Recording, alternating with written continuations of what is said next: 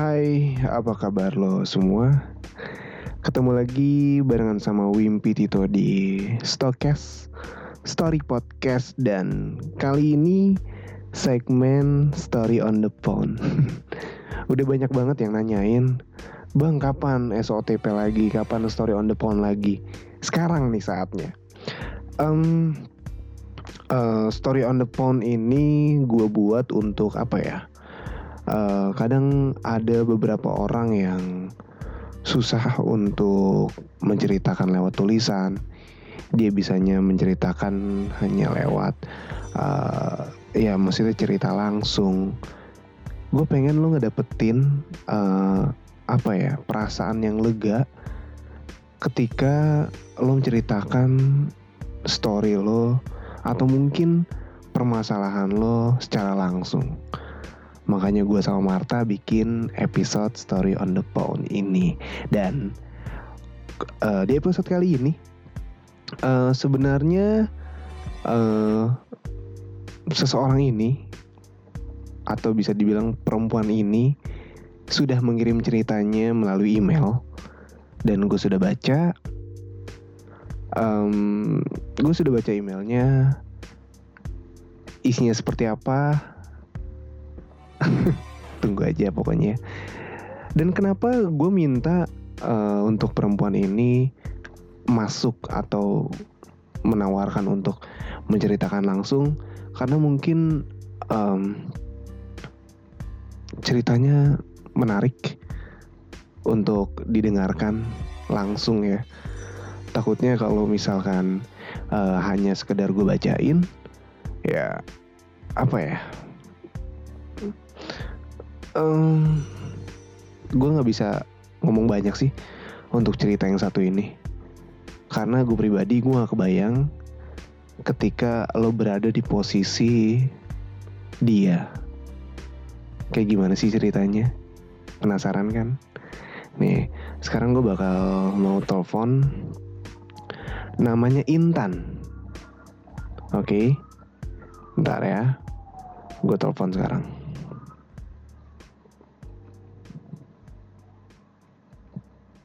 Anda kurang dari Rp10.000. Segera lakukan isi ulang. Lagi Anda lagi juga ya. bisa mendapatkan pulsa SOS dengan cara Enggak, gue sebenarnya ada pulsa. bintang 505 pagar. oke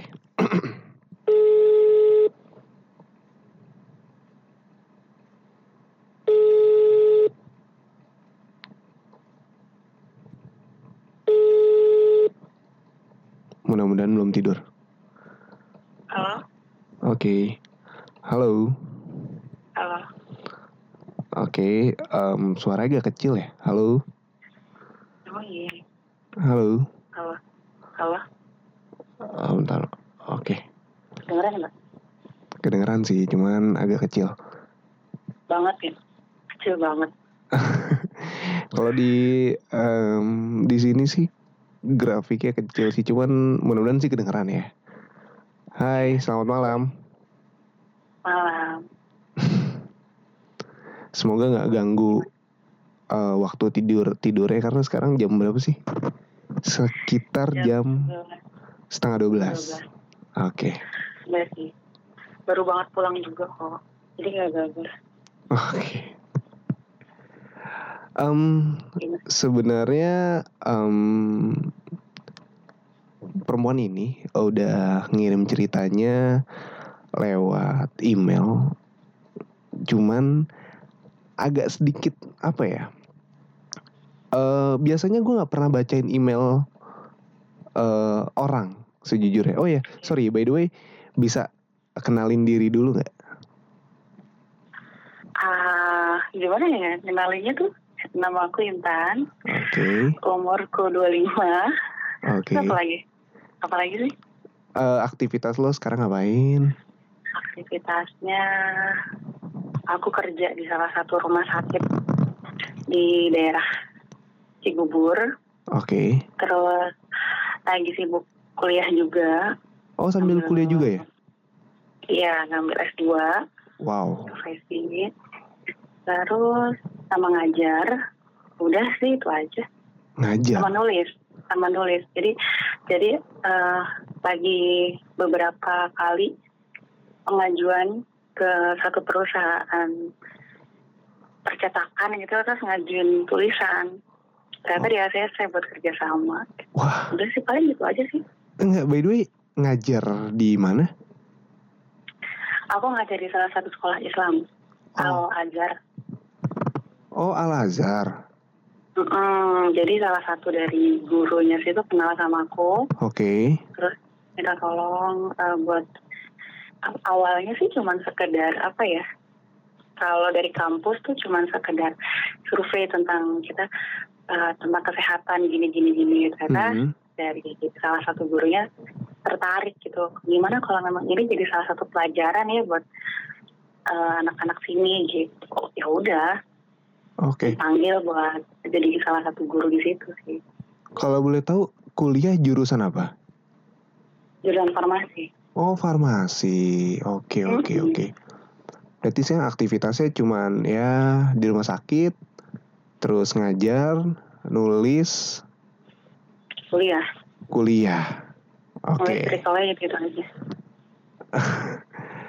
Tapi eh, lo udah punya pasangan?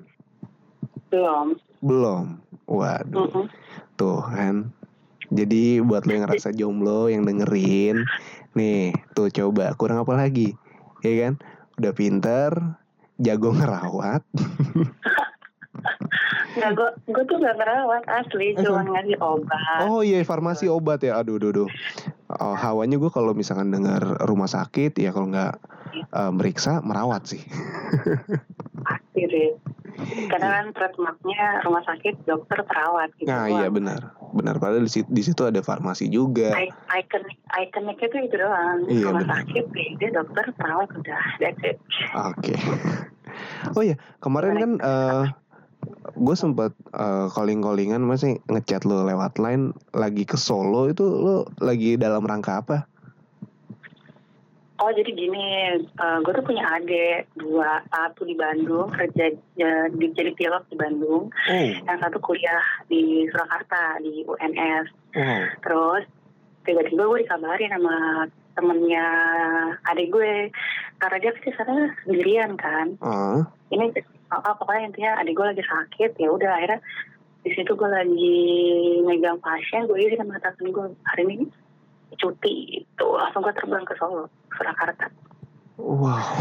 udah gue gue nyari tiket terbang eh pesawat maskapai itu nggak dapat pas berangkat karena susah kan sekalinya ada tengah malam sedangkan gue harus ke rumah sakitnya kan karena lagi sakit akhirnya gue dapet tiket kereta Akhirnya naik pun kereta. tuh gue iya itu pun gue kereta harus ke Gambir dulu gitu karena gue ngejar penerbangan jadi kayak nggak ke approve gitu loh bilang Oke. udah booking tapi nggak nggak ke approve gitu ya udah Hmm, pada iya, bilang iya. daripada gantung kan mendingan ya udahlah Gambir aja eh di Gambir karena masih ada beberapa kursi yang kosong udah langsung ke Solo sebentar doang sih nyampe nengokin terus rawat seharian full itu balik lagi ke sini Oke. Lo kalau misalkan untuk urusan keluarga sepanik itu ya? Iya. Jadi gue pernah di salah satu misalkan lagi megang pasien. Hmm. kalau namanya tenaga kesehatan kan ya memang hidupnya buat bukan buat diri kita buat pasien. Kalau memang lagi megang pasien yang crowded semua masalah pribadi dikesampingkan dulu kan. Cuman Hmm. eh, apa ya beberapa hal dulu mungkin gue kayak gitu gitu. Pokoknya keluarga nomor dua lah nomor satu gue pasien tapi belajar dari semuanya oh nggak bisa gitu pasien tetap nomor dua keluarga gue nomor satu gitu jadi kalau misalkan lagi separah parahnya atau sekrowded apa gue megang pasien atau itu pasien lagi drop kayak gimana pun kalau memang keluarga lebih pentingan gue gue ya gue pasti bakal cabut Oke. gitu karena pasti kalau karena kan tenaga kesehatan di situ kan gak gue doang kan Hmm, betul. Kalau dulu kan gue mikirnya "Ah, gue terima dia gue terima di pasien gue selesaiin gitu tapi enggak kalau memang di saat itu gue nggak mampu buat selesaiin gue bisa oper ini ke orang lain yang mungkin lebih mampu dibanding gue Oke. Mention masalah keluarga. Di email lo yang kirim itu, yang lo kirim kemarin, um, mungkin uh, sedikit yang malah gue gue bacanya ya ini Hmm? gue berasa kayak ini cerita-cerita yang ada di film tapi beneran kejadian Ya. nyata di lo Oh gitu. asli gue gue agak speechless dan uh, beneran ag- berkaca-kaca gue mungkin gini Seriusan? eh, apa namanya eh gue laki-laki ya gue cowok Mm. cuman gue baca dari email lo aja gue bisa berkaca-kaca dan gue orang yang susah untuk merasa sedih gue takutnya apa gue yang lebay atau gimana gue sampai ini sampai em, apa namanya eh gue ngasih tahu temen gue sejujurnya dan temen gue lo tahu dia baca doang nangis. Nangis. Seriusan? seriusan. Makanya mungkin eh, buat lo yang dengerin episode eh, sekarang nih di segmen Story on the Pond penasaran kan? Ceritanya seperti apa sih si Intan lu boleh ceritain tan sedetail mungkin siapin tisu ya boleh cerita sekarang? boleh Gue pasti bakal nangis lagi sih, gitu. oke tarik nafas oke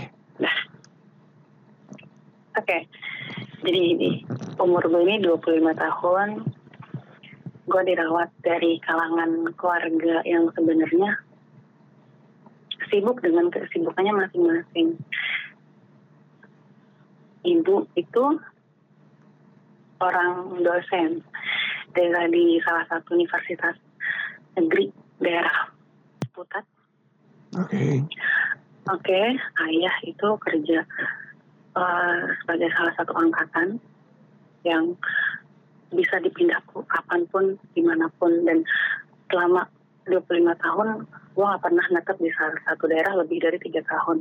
Pasti selalu pindah-pindah. That's why temen gue gak banyak. Tapi di setiap daerah gue punya teman gitu. Dia pun cuma satu dua. Eh, dari umur enggak dari dari gue mengenal mereka dari gue dididik sama mereka iya sewajarnya gue dikenal eh gue tumbuh sebagai anak mereka yang mereka nganggap gue pun sebagai seorang anak biasa.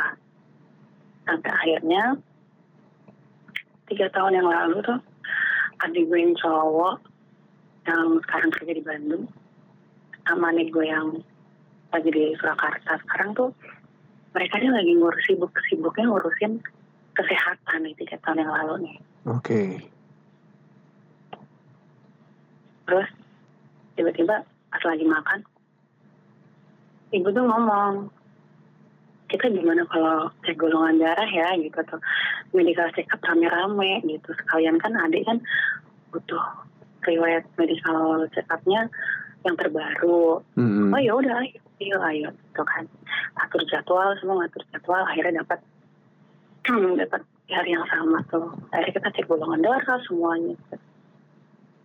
Karena memang gue udah, udah bekerja di rumah sakit udah lama akhirnya gue pun sebenarnya udah tahu golongan darah gue apa. Nah, Hmm. tapi yang namanya gitu kan nggak pernah terbesit atau terpikirkan atau memang gue yang cuek kali ya? Itu golongan darah gue nih sama kayak siapa ya? Sama ayah ayah sama ayah ibu nggak pernah nggak pernah terpikir buat nyamain nyamain gitu. Karena mikirnya ya paling juga kalau nggak sama kayak ayah ya paling sama kayak ibu gitu. Udah. Pas ibu nawarin cek golongan darah lagi tuh ya udah langsung pada mau ngatur jadwal lagi. Hmm. singkat cerita. Dengan cerita kita cek golongan darah cuman langsung gue tinggal kerja. Oke. Ayah ibu adik ah, ayah ibu ayah ayah ibu adik kan nungguin. Mm. hasilnya udah dua hari tuh gak ada kepikiran buat nanya. Hasilnya apa sama sekali nggak ada. Sampai akhirnya pulang kerja ya biasa kalau pulang kerja kan memang atau pulang ngampus tuh ya malam tengah jam segini. Kalau pulang ngampus pasti jam sebelasan udah pulang. Kalau kerja kan paling jam satu jam dua baru pulang kan. Mm. waktu itu pulang jam satuan. Udah pada tidur. Cuman itu berkas hasil berkas medical check up-nya itu ada di meja tengah. Oke. Oke nah di situ gue buka gitu. Oh ayah sehat ibu sehat adik sehat. Terus gue buka medical check up gue. Oh gue sehat. Terus gue jajarin kan berkasnya punya ayah ibu adik gue Oke. kok ada yang beda gitu kok ada yang beda? Tapi gue nggak tahu itu apa. Asli kok kayak ada yang rancu ya gitu. Kayak mata gue terbesit sama satu keterangan yang semua sama tapi di tempat gue ini beda. Pas gue cek oh golongan darah gue beda. Ayah O ibu O dua adik gue O dan gue B dan gue cek golongan darah itu itu udah yang kedua kalinya Oke. udah oke di situ langsung yang diem aja gitu kayak mungkin ini eh, ada human error aja kali ya Hmm. entah dari guanya atau mungkin dari pihak rumah sakitnya masih kayak positive thinking aja gitu karena mungkin capek juga kan ah udahlah nggak mungkin gitu. Berarti di Ya. situ waktu itu lu belum berpikir kayak belum masih em, iya nggak sih iya apa enggak ya masih gitu iya ya? ah, Oke. masih yang ah udahlah gitu lagi juga kan kalau di ilmu kesehatan kan eh ya bukan bener mungkin karena ilmu gue masalah tentang darah gitu cetek kali ya jadi kayak mikir semua bisa terjadi masa dari O nggak bisa jadi B sih kayak gitu loh masih Oke. kayak yang ya gitulah pokoknya. Terus singkat cerita beberapa hari kemudian adik gue udah pada balik ke tempatnya yang satu ke Bandung satu ke Surakarta. Berarti di rumah cuma tinggal ayah ibu sama gue kan? Oke. udah. Terus sempat terpikir eh, mau nanya gitu tapi jangan dulu deh. Cari referensi dulu. Cari penguat alasan kenapa gue nanya ini ke ibu atau ayah Oke. karena kan ayah sama ibu memang orangnya kritis kan takutnya takutnya mereka menilai gue keuzon atau apa gitu kan akhirnya nanya lah ke dokter ke orang-orang lab gitu Hmm. bisa nggak sih kalau misalkan ayahnya O ibunya O anaknya darahnya B terus ada beberapa orang yang mungkin dia nggak tahu kalau itu nggak gue gue nanya itu buat gue nggak ada Oke. yang tahu jadi mereka ngasih jawaban yang benar-benar relate aja. Ya berarti itu anak anak angkat. Ada temennya nih serius kan? Ya berarti itu bukan anak bukan anak kandung anak angkat dong. Oke. Terus nanya lagi. Di "Emang situ masih positive thinking ya? masih gue bakal bakal tetap tetap tetap positive thinking saat itu. Oke. terus gue nanya dokter sama gue nanya oh, sama beberapa tenaga medis semua ngeluarin jawaban yang sama tapi dengan jawaban masing-masing tapi arahnya sama. Oke. nggak mungkin. Sampai akhirnya udah berjalan berapa bulan biasanya gue kalau pulang gitu ya nungguin ayah kan. Ayah Hmm. kalau nunggu di ruang tamu itu dia sampai benar-benar ketiduran. Sampai gue pulang benar-benar ayah berpindah ke kamar capek apa pun ayah Oh, Lalu Oke. gue pulang jam gue pulang jam satu apa setengah duaan gitu kok ini gerbang nggak dibuka? Apa mungkin ayah lagi nggak di rumah kan? Ternyata ibu ibu yang nungguin di situ. Oke. ibu buka ibu ibu buka gerbang ibu buka pintu ibu duduk di teras. Kayak nasihatin gitu. Udah do jangan kalau memang udah ngerasa capek ya nggak usah kerja. Gitu. karena mungkin kasihan kali ya ke gue cewek pulang jam satu jam dua ngapain sih apa yang dikejar kayak gitu. Hmm. terus gue mikir kan gue tuh jarang banget ketemu ibu. Pagi ibu kalau gue belajar kayak bareng sama ayah gue berangkat belakangan. Hmm. pulang udah cuma gini doang gitu cuma buka pintu tidur. Udah besar sebatas itu aja jadi nggak pernah yang ngumpul pun mereka libur gue nya nggak libur. Karena kan kerja di rumah sakit gak ada hari libur kan. Oke. Ya, akhirnya gue mutusin buat kayak gue bakal ngomong nih di sini. Gue duduk tuh gue belum naruh tas gue belum ganti seragam gue gue duduk di samping ibu. Gue pegang tangan ibu. Bu Intan mau nanya. Dia nanya Sama tangan gue udah gemeter gitu Udah basah gitu loh udah Kenapa do kata ibu gitu. Sambil Apa sih kayak ngerangkul gitu loh. Kamu capek? Enggak gak capek. Oke. eh, kemarin tuh beberapa bulan yang lalu aku lihat hasil medical check up nah, kok golongan darah aku beda sama golongan darah ibu sama ayah sama adik. Yang notabene aku cek gula darah itu udah lebih dari sekali bu. Udah dua kali. Kalian baru sekali aja langsung kompak samaan iya kah hormon error? Gitu ibu diem. Ibu kayak nunduk itu kayak gimana ya nunduk itu Mungkin kayak apa? Dia ibu lo kayak ngerasa mungkin emang ini udah waktunya, iya udah saatnya iya ngasih tahu. Mungkin dengan cara Iya. seperti ini ya. Ah. Eh, ya mungkin parahnya ibu langsung sedih gitu kan ibu bilang ibu kalau nggak mau cerita nggak apa-apa kan Intan nggak maksa kalau pertanyaan Intan dikit sedih malah bikin beban buat ibu mendingan gak usah dijawab Intan nggak bakal nanya lagi Intan nggak bakal nanya yang kedua kali lagi tentang ini kok. Oke. gitu. Terus ibu langsung genggam balik tangan tangan gue. Pas di situ perasaan Ibu? gimana? wah itu udah itu effort gue buat nggak nangis di depan ibu tuh wah gila. Udah please jangan nangis. Kan jangan nangis karena kalau gue nangis ibu pasti bakal lebih nangis gitu. Jadi gue kayak berusaha kuat aja udah bu kalau emang lo nggak mau cerita ya nggak usah kayak kayak menganggap ini tuh hal sepele aja sebenarnya gitu. Oke. Dan ibu langsung kayak genggam gitu. Langsung cerita. Ibu, ibu tuh manggil gue gendut. Gendut tuh kalau bahasa Jawa mah anak cewek sih. Hmm, Dok, dok, dok gitu. ya? Mm-mm. Oke. Dok, jarang manggil nama sebenarnya. Hmm, oke. Terus eh, ibu ketemu gendut. Itu di semak katanya gitu. Di semak. Yang muka gue masih kayak sumringah gitu kayak di semak ya bu gitu. Nggak bercanda. Di semak ya bu. Iya di semak. Jadi beberapa tahun lalu di saat gue masih balita atau batita ibu sama ayah tuh tinggal di Surakarta. Mereka lagi perjalanan ke mana? Ke arah Sukoharjo apa? Wonogiri gitu. Oke. entah dari mana ini mereka bawa mobil pribadi nabrak mobil pribadi perlawanan di daerah Boyolali. Oke, berarti nabrak. ibu lo Hmm? itu ya itu yang nabrak- Nabrak mobil pribadi Oke. akhirnya yang mobil pribadi ini kelempar ke arah, ke arah lawan Oke.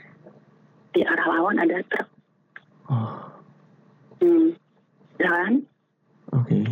kelemparlah itu mobil pribadi itu ke pinggir makin kelempar ibaratnya jadi udah ditabrak ke arah lawan di arah lawan ada truk makin kelempar lagi ke jurang kan ke semak katanya ibu Oh, cuman mobil ibu cuman oleng doang ke arah pinggir iya iya. iya. ya arah pinggir nyepi lah jatuhnya ya kalau kayak gitu Hmm.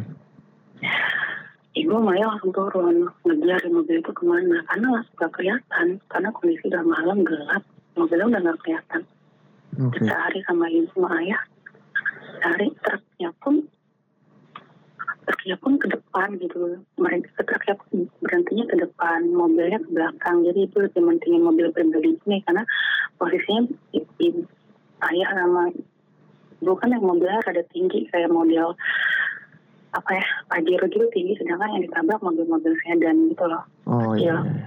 Oke. ya jadi takutnya kelindes takutnya Hmm. terus dicari dicari dicari emang benar masuk semak gitu. Bukan jurang semak-semak pohon gitu. Cari Oke. ternyata memang supirnya sama penumpang di sampingnya itu meninggal di tempat. Supir sama penumpang di sebelah supir ya bawa meninggal. ya, ya, bawa mobil itu. Dan penumpang di sampingnya meninggal. Jadi mobil itu ada tiga orang. Ada tiga orang. ada tiga orang. Yang yang bawa mobil sama yang penumpang di sampingnya di depan itu meninggal pas ibu buka pintu belakang. Ada anak bayi. Nangis. Sekitar umur? gue itu umur tiga tahun. Ibu bilang itu gendut. Gue pertama kali ketemu gendut. Di situ saat ibu buka pintu itu kamu lagi nangis. Astagfirullahaladzim. gue langsung kayak saya masih belum terima. Maksudnya gimana ya bu? Jadi ibu saya masih nggak terima ya itu aku di aku aku tuh mobil itu ngapain gitu. Kan ibu sama ayah mobilnya beda. Itu gue masih nggak terima gitu. Oke. yang bawa mobil itu papa. Kamu yang bawa mobil mama. Eh di samping apartemen itu mama kamu. Dan di belakangnya kamu. Jadi wah pada saat itu yang meninggal adalah orang tua kandung lo. Ya dan yang lo selamat di belakang. ya di babysit Wah, itu for the first time-nya ibu melihat gua. Ibu langsung gendong langsung dipeluk. Dibawa ke rumah sakit karena di situ gua nangis terus. Jangka kabinnya gue juga gak ngerti kenapa ibu mungkin karena shock terus Bener. di situ ibu langsung gak ngerti.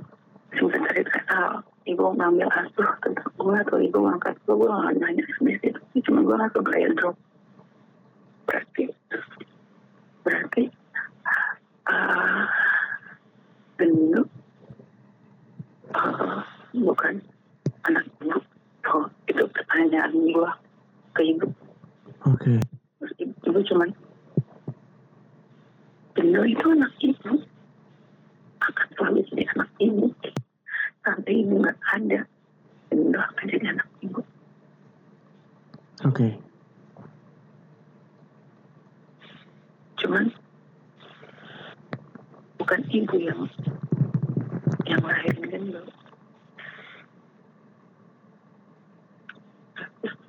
Terus mama papa aku di mana? Itu mereka ke mana itu.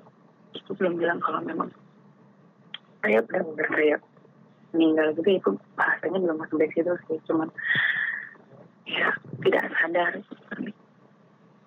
Terus mama papa di mana kalau sampai saat ini aku dirawat sama ibu? Ya saat itu mama papa gak ada. Mereka meninggal di tempat Nah, langsung berarti ibu ngangkat aku karena kasihan karena karena aku dia tuh karena ibu minta gak akan ada yang mengasuh aku kan ibu melihat kamu dia sebagai anak ibu dari ibu jatuh hati sama kamu. Ibu buka pintu belakang ibu lihat kamu.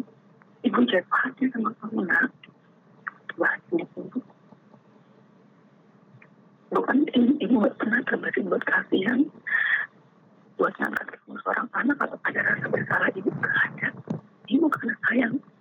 Jatuh cinta sama sama kamu udah udah.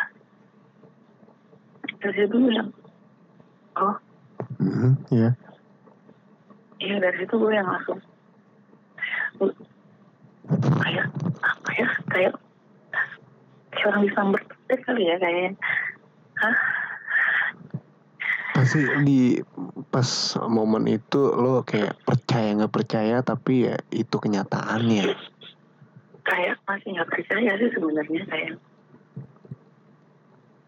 Tapi gue mau nanya, eh, sorry. Selama 25 tahun itu ada hal aneh nggak sih selama lo dirawat, selama lo dibesarkan, ada sikap-sikap yang aneh nggak? Atau ya udah kayak selayaknya seorang ibu aja oh gitu? enggak kalau misalkan kalau dari sisi gue ibu kayak tuh ngerawat gue ya selayaknya selayaknya gue ngeliat mereka tadi adik gue sih dia disekolahkan. Masa bukan kalau dari dulu dari zaman ibu SD sama SMA itu tuh ibu tuh selalu ke anak-anaknya selalu ngasih bekal gitu kan. Hmm, oke. iya dan eh, apa namanya selalu ngasih bekal dan itu diterapin ke gue ke adik gue juga di gue ngerasa kayak nggak ada apa-apa gitu nggak ada beda. Tapi di setiap gue jalan ke mana keluarga foto bareng itu orang-orang selalu bilang kok muka lu beda sih? Kok muka lu beda? Tuh wah itu banyak banget. Nggak pernah ada satupun satupun yang pernah yang bilang lu tuh mirip ibu lu mirip ayah atau lu mirip adik lu yang ini. Nggak ada. Nggak Hmm, ada. Oke. Mungkin dari banyak orang yang bilang, kok lu beda, kok lu nggak mirip, itu lu masih biasa aja. Ya udahlah yang namanya. Iya, ya, pasien. Ya, paling gue mirip nenek gue nih paling gitu bercandanya gitu. Ya kayak gitu-gitu. Namanya juga anak pertama kan, kalau mirip, mirip sama uh, orang tuanya bisa sama neneknya atau kakeknya gitu. Oke. Tapi memang nggak pernah ada, nggak pernah ada orang yang nilai gue mirip sama ayah ibu. Tapi gue mau nanya sama lo. Lo merasa beruntung nggak dibesarkan di dan dikelilingi oleh keluarga itu? Beruntung banget sih. Apa namanya? Ibu. Oh god, gue putus bentar, gue telepon lagi. Ah,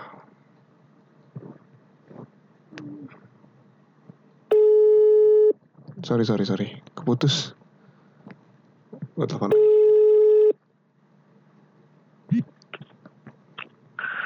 Sorry sorry keputus, gue nggak tahu kenapa. Gimana, gimana, gimana. Oke, eh, tadi pertanyaan gue, hmm, lo merasa beruntung gak sih dibesarkan dan dikelilingi oleh keluarga ini gitu? beruntung banget sih ya Hmm, kalau kalau mungkin lo nanya saat ini mungkin gue bakal ngejawab gue beruntung tapi kalau misal lo nanya di saat kemarin di saat gue tahu lo ngerasa kayak ah gue gue dibesarkan dari dari yang udah ngebuat mama papa gue nggak ada ngerti nggak? Iya, gue paham, gue paham. Nah, ya gua, gua, itu itu kayak rasa campur marah, campur sedih, tapi sama Ah. orang yang kita sayang.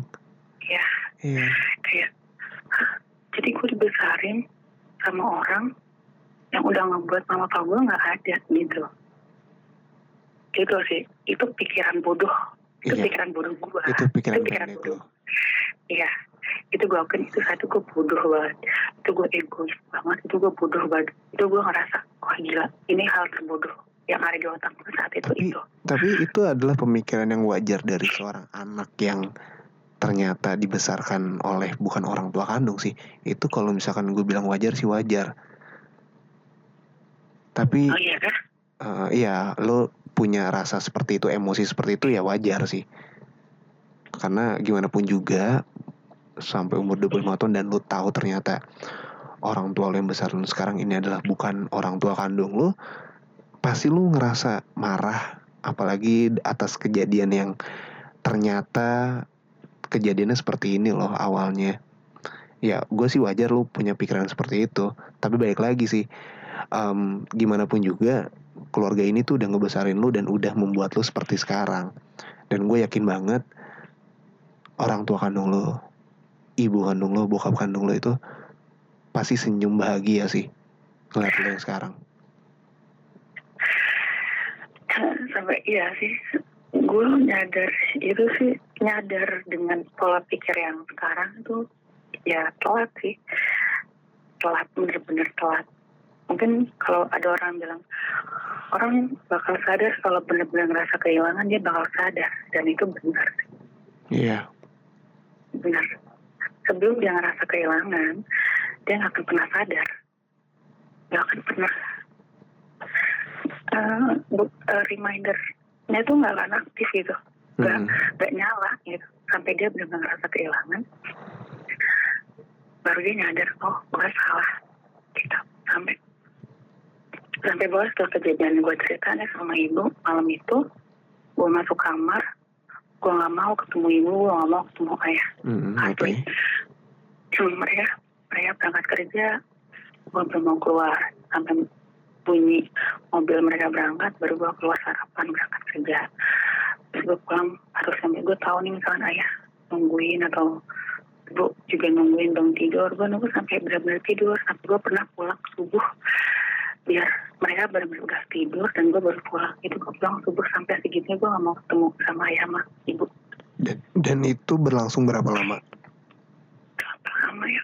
Dari itu udah se- satu setengah tahun Wah gila, satu setengah tahun. lama kan iya iya iya sampai gue sampai gue itu eh, tanpa pengetahuan ayah sama ibu gue ngekos gue ngekos di rum- di dekat kantor gue ngekos jadi eh, ibu bilang alasannya ya ibu sama ayah nggak usah nunggu aku pulang pulang larut aku sekarang udah ngekos gitu tapi ibu setiap ibu sama ayah mau main ke kosan gue nggak pernah ngizinin gitu Oke.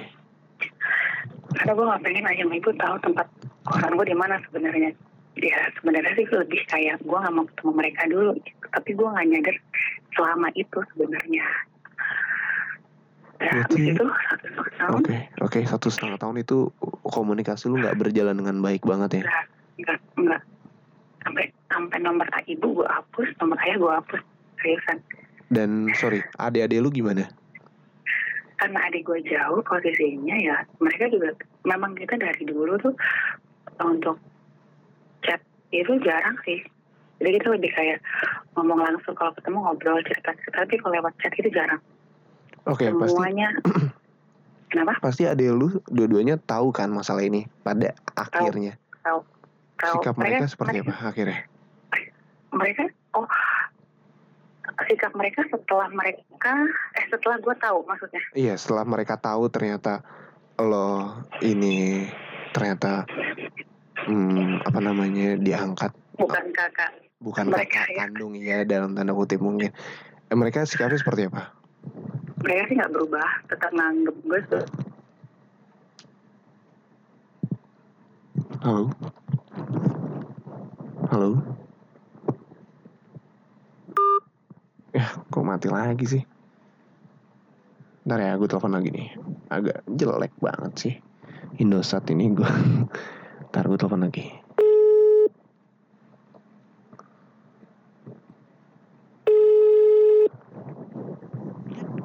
mati kah mati kenapa Kok mati lagi? kalau dari pihak adik gue sih nggak pernah ada yang eh, mengklarifikasi kemarin habis nanya ini ini gitu sih nggak pernah jadi mereka tahu tapi seolah-olah nggak tahu Oke, mungkin berarti adik lu udah cukup dewasa untuk tidak apa ya? em, ya udahlah itu masalah kakak gue. Hmm, Gue cukup Hmm. tahu. Ya udah gue nggak mau bikin kakak gue tambah sedih lagi. Mungkin seperti itu sih. hmm. iya saya ya gue yakin mereka tahu tapi nggak mau ngomong Iya iya iya. sampai akhirnya satu setengah tahun ibu sama ayah manggil gue gitu kayak lo ngobrol deh bertiga atau ngajak makan gitu oh iya bu aku pulang dari kampus ya ketemu di luar makan Itu di tahun berapa? dari berapa ya di tahun 2017 akhir Oke. akhir tahun deh Desember Oke. November udah kayak gitu udah kayak gitu ibu bilang ternyata ayah dipindah tugas Bandung Oke. deket kantornya adik gue Hmm. Wah, gue pikir ibu nggak pindah. Kata ibu juga ibu pengajuan resign dari salah satu bukan resign sih. Gue gak ngerti deh kalau sistemnya dosen tuh gimana sampai akhirnya ibu pindah ke Universitas Negeri yang di Bandung. Oke. udah gitu mm eh, bapak eh bapak ayah duluan pindah ayah duluan pindah selang dua bulan apa tiga bulanan gitu baru ibu nyusul pindah. Karena surat pindah ibu lebih lama lebih sulit kayaknya. Hmm.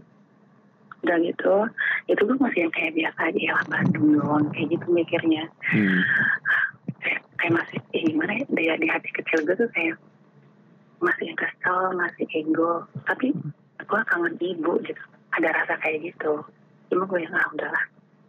Mungkin emang ini jalannya jalannya ibu sama ayah udah pergi jauh gitu. Mungkin ini juga jalannya biar gue nggak ngekos lagi. Mungkin ini jalan jadi kayak ngebuat diri gue make sense sama keadaan. Oke. uh, masuk sama egois gue nih. Jadi kayak egois gue udah tinggi ditinggiin lagi. Dijadiin gunung lagi biar makin jauh sama ibu sama ayah. Hmm, sampai akhirnya gue di rumah sendirian.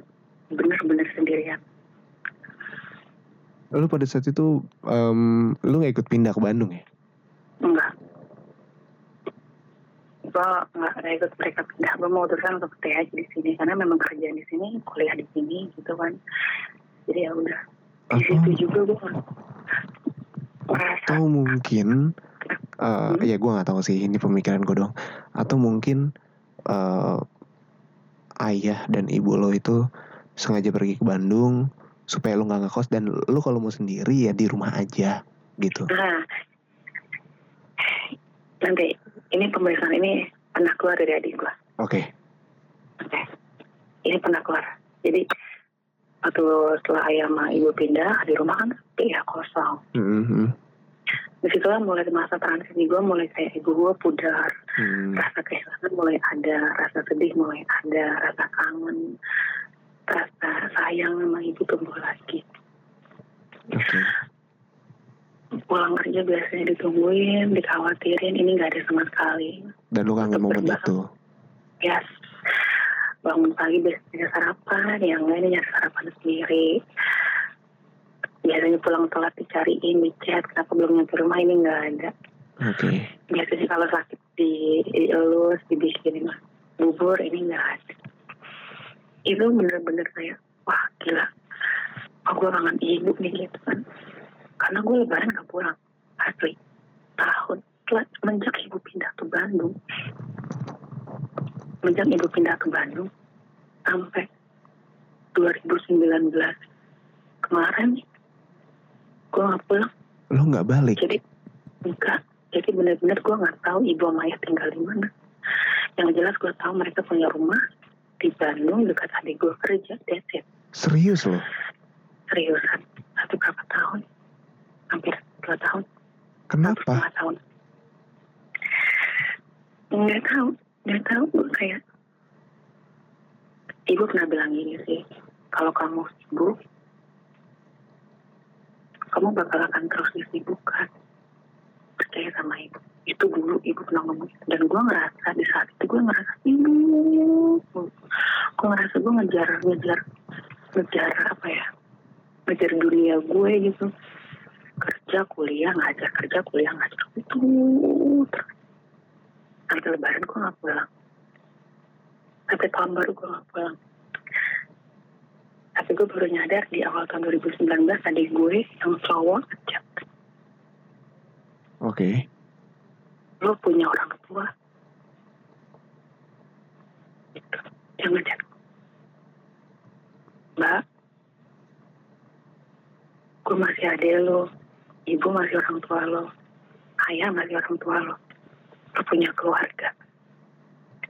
Itu gue langsung, iya tahu, kayak gitu doang. Iya deh, gitu. Karena adik gue juga eh, jarang pulang ke sini karena kan mereka dia kan di sana kan di Bandung. Kan Hmm. sebenarnya gue nyusul mereka sih. Iya iya iya. dan mungkin ibu mungkin cerita kayak sama adik gue yang kayak akhirnya di, adik gue yang nggak pernah chat kayak gitu chat kayak gitu lo tuh punya keluarga. Hmm. pulang kata dia. Pulang akhirnya gue pulang tuh di bulan apa ya kemarin tuh ya? Februari atau Maret pulang. Itu pun cuma dua hari gue nyetir sendiri ke Bandung pulang dari kerjaan ke Bandung sampai Bandung gue jam 2 atau jam 3 pagi pas di situ ibu lagi ada seminar lagi ada seminar jadi ketemu ibu cuman di hari pas gue mau balik Oke. gue, gue balik itu dari Bandung jam 7 malam ibu baru pulang itu asar jadi jam 3 atau jam 7 cuma berapa jam ya Ya sekitar kangen 3 kapan 4 aja. jam lah ya. Ah, ayah juga baru pulang ayah ketemu ayah juga gimana kalau kalau sama ayah kan memang kurang intens ya namanya juga ya ya, ya ya dibanding ayah ya gue ngerasa gue lebih dekat sama ibu sih sebenarnya jadi pas ketemu ayah ya cuman kangen-kangenan gitu Hmm, tapi biasanya kalau cewek itu lebih dekat ke ayah sih, tapi kalau lu ke ibu ya. iya gue ngerasa karena ayah tuh jarang banget di rumah Oh iya, juga keluar. tugas ya. Mm-mm. Jadi pas ayah pulang juga yang eh, eh pas gue pulang juga ayah yang nyambut cuman ya iya biasa gitu kayak meluk kenapa gak pulang? Gitu dengan bahasanya. Hmm. kenapa baru sekarang pulang? Gitu.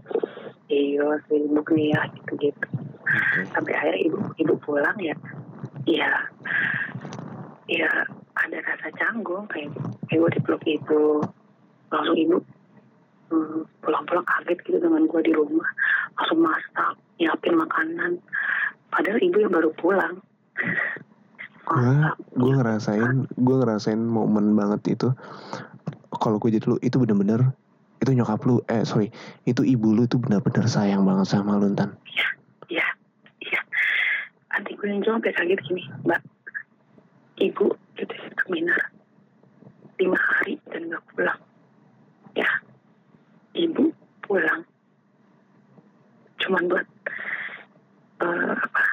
Cuman buat ketemu sama lo, terus dia langsung masak. Lo kebayang sih capeknya ibu gimana? Gitu. Adik gue cuma ngomong gitu. Cuman pengen apa? ibu ketemu sama lo masakin apa yang lo mau ya, karena ibu merasa satu setengah ibu gak ketemu sama lo mbak gitu. itu ibu benar-benar pulang nyampe langsung masak masak padahal itu gue gue itu udah makan ya kalau salah. Udah makan sama ayah sama adik di luar. Ibu pulang bawa masak ayah pokoknya gendong harus makan. Gendong udah satu setengah tahun gak makan masakan ibu iya ibu aku udah makan. Udah bang dibawa bawa makan di sana gitu. Ibu masak masukin ke tempat makan. Banyak banyak banget. Bawa dibawa ke sana. Buat di jalan ya. Jangan dibuang makan ibu gitu. Ibu cuma bilang gitu masakan ibu jangan gendut. Ya dimakan karena ibu kangen kalau masaknya gendong udah lama banget kan. Iya bu tenang aja. Cuman ya ibu juga mungkin masih pengen lama sama gue cuma karena udah larut ya udah jam tujuh. Ya kedua pulang kedua nyetir kan. Pulang nanti kalau larut malah makin gelap makin serem jalanannya hmm. akhirnya gue pamit. Jam tujuh nggak apa-apa tapi bisa gue pamit pulang. Bawa makanan makanan yang udah masak pulang. Udah tuh udah bang gue pulang mikir aja. Tapi eh, sorry gue potong. Di saat eh, lo ngeliat ibu lo itu masak buat lo perasaan lo pada saat itu seperti apa? Kayak apa ya? Apakah dengan masih ego lo yang sebelumnya enggak sih. Udah enggak ego sih lebih kayak malu. Malu dan bingung gue harus apa kayak ibu tuh sayang banget ya sama gue gitu. Di jalan gue mikir aja gue salah sih kesempatan gue nggak jenguk ibu bukan tuh salah. Gue gue cuma meluk ibu doang ya gue diem bener-bener diem. Gue pulang ibu maafin dulu ibu yang salah kata dia ibu gitu kan ibu yang salah cara ibu mendidik kamu yang salah sepertinya enggak ibu udah benar mendidik aku ibu ngajarin aku ibadah ibu ngajarin aku ngesekolahin aku ngajarin aku cara jadi wanita ini ngajarin masak ngajarin ini ini ibu terbaik maksudnya ibu tuh karir woman gitu. Tapi dibagi gue ibu tapi ibu tuh pengen jadi motherhood motherhoodnya anak-anak. Iya paham paham. Makanya dengan kesibukannya dia mas yang masakin masih nungguin. Maaf ini dan itu tuh kalimat terakhir yang pernah denger gue gue dengar sebelum gue pulang ke Jakarta. Oke. Udah akhirnya gue pulang gue mikir. Udah gitu gue lupa tuh. Lupa buat balik lagi ke Bandung. Gue sibuk sama kerjaan gue gue sibuk kuliah gue makanan juga makan. Itu akhirnya gue makan. Sampai sampai rumah juga gue makan gue panas